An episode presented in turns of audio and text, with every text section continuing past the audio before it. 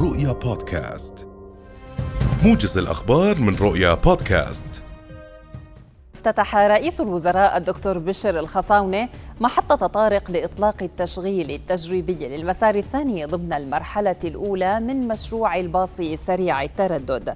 وتفقد الخصاونة مرافق المحطة مؤكدا أهمية مشروع الباص سريع التردد في إيجاد حلول للمشاكل المرورية وتعزيز منظومة النقل العام. بدوره قال أمين عمان يوسف الشوارب خلال الافتتاح إن تكلفة المشروع بلغت نحو 31 مليون دينار وتم بناؤه بشكل عصري يناسب كبار السن والأطفال كما يحتوي على أنفاق تخدم عدة مناطق. خصصت دائرة ضريبة الدخل والمبيعات فريقا من موظفيها لمساعدة مشاهير مواقع التواصل الاجتماعي والأشخاص الذين يحققون إيرادات مالية خاضعة لقانون الضريبة من نشاطاتهم على هذه المواقع لتوفيق أوضاعهم القانونية.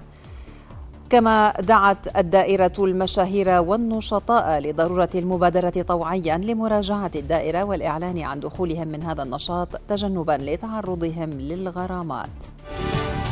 قالت أمين عام وزارة التربية والتعليم للشؤون الإدارية والمالية دكتورة نجوى قبيلات إن الوزارة لم تتخذ قرارها النهائي فيما يتعلق بشكل التقويم المدرسي للعام الدراسي المقبل ودوام الهيئة التدريسية وأضافت إقبالات أن ما جرى هو نقاشات في لجنة التخطيط المركزية التي وضعت سيناريوهات عدة وقامت بمراجعة إيجابيات وسلبيات كل سيناريو.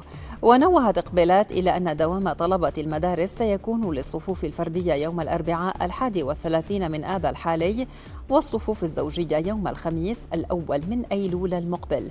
وسينتظم الطلبة جميعهم بشكل رسمي يوم الأحد الموافق الرابع من أيلول المقبل. وبشكل وجاهي أكد رئيس الجمهورية اللبنانية ميشيل عون التزامه بإحقاق العدالة في حادثة انفجار مرفأ بيروت في الذكرى الثانية لها اليوم مشددا على سعيه للوصول للحقيقة كاملة بعيدا عن أي تزوير أو ظلم.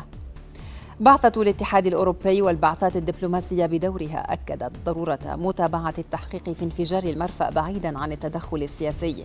يأتي ذلك بعد أن تم أمس إخلاء المرفأ والتحذيرات من انهيار ما تبقى من صوامع الحبوب كما تم قطع السير على الطريق المحاذية للأوتوستراد المقابل للمرفأ وتم تحويله إلى الطرق المجاورة.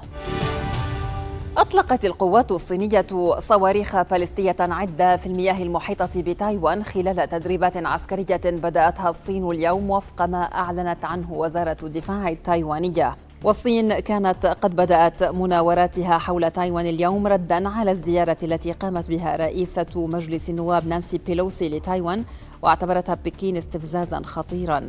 تايوان بدورها أكدت أنها تلتزم بمبدأ الاستعداد للحرب من دون السعي إليها. أقر مجلس الشيوخ الأمريكي انضمام السويد وفنلندا إلى حلف شمال الأطلسي في رسالة دعم قوية لتوسيع التحالف عبر الأطلسي في مواجهة الغزو الروسي لأوكرانيا. وصوت 95 سيناتورا مقابل واحد لصالح انضمام الدولتين ما يجعل الولايات المتحدة الدولة الثالثة والعشرين من أصل ثلاثين التي تقرر الانضمام رسميا بعد أن كانت إيطاليا وفرنسا قد أعطتا موافقتهما مسبقا.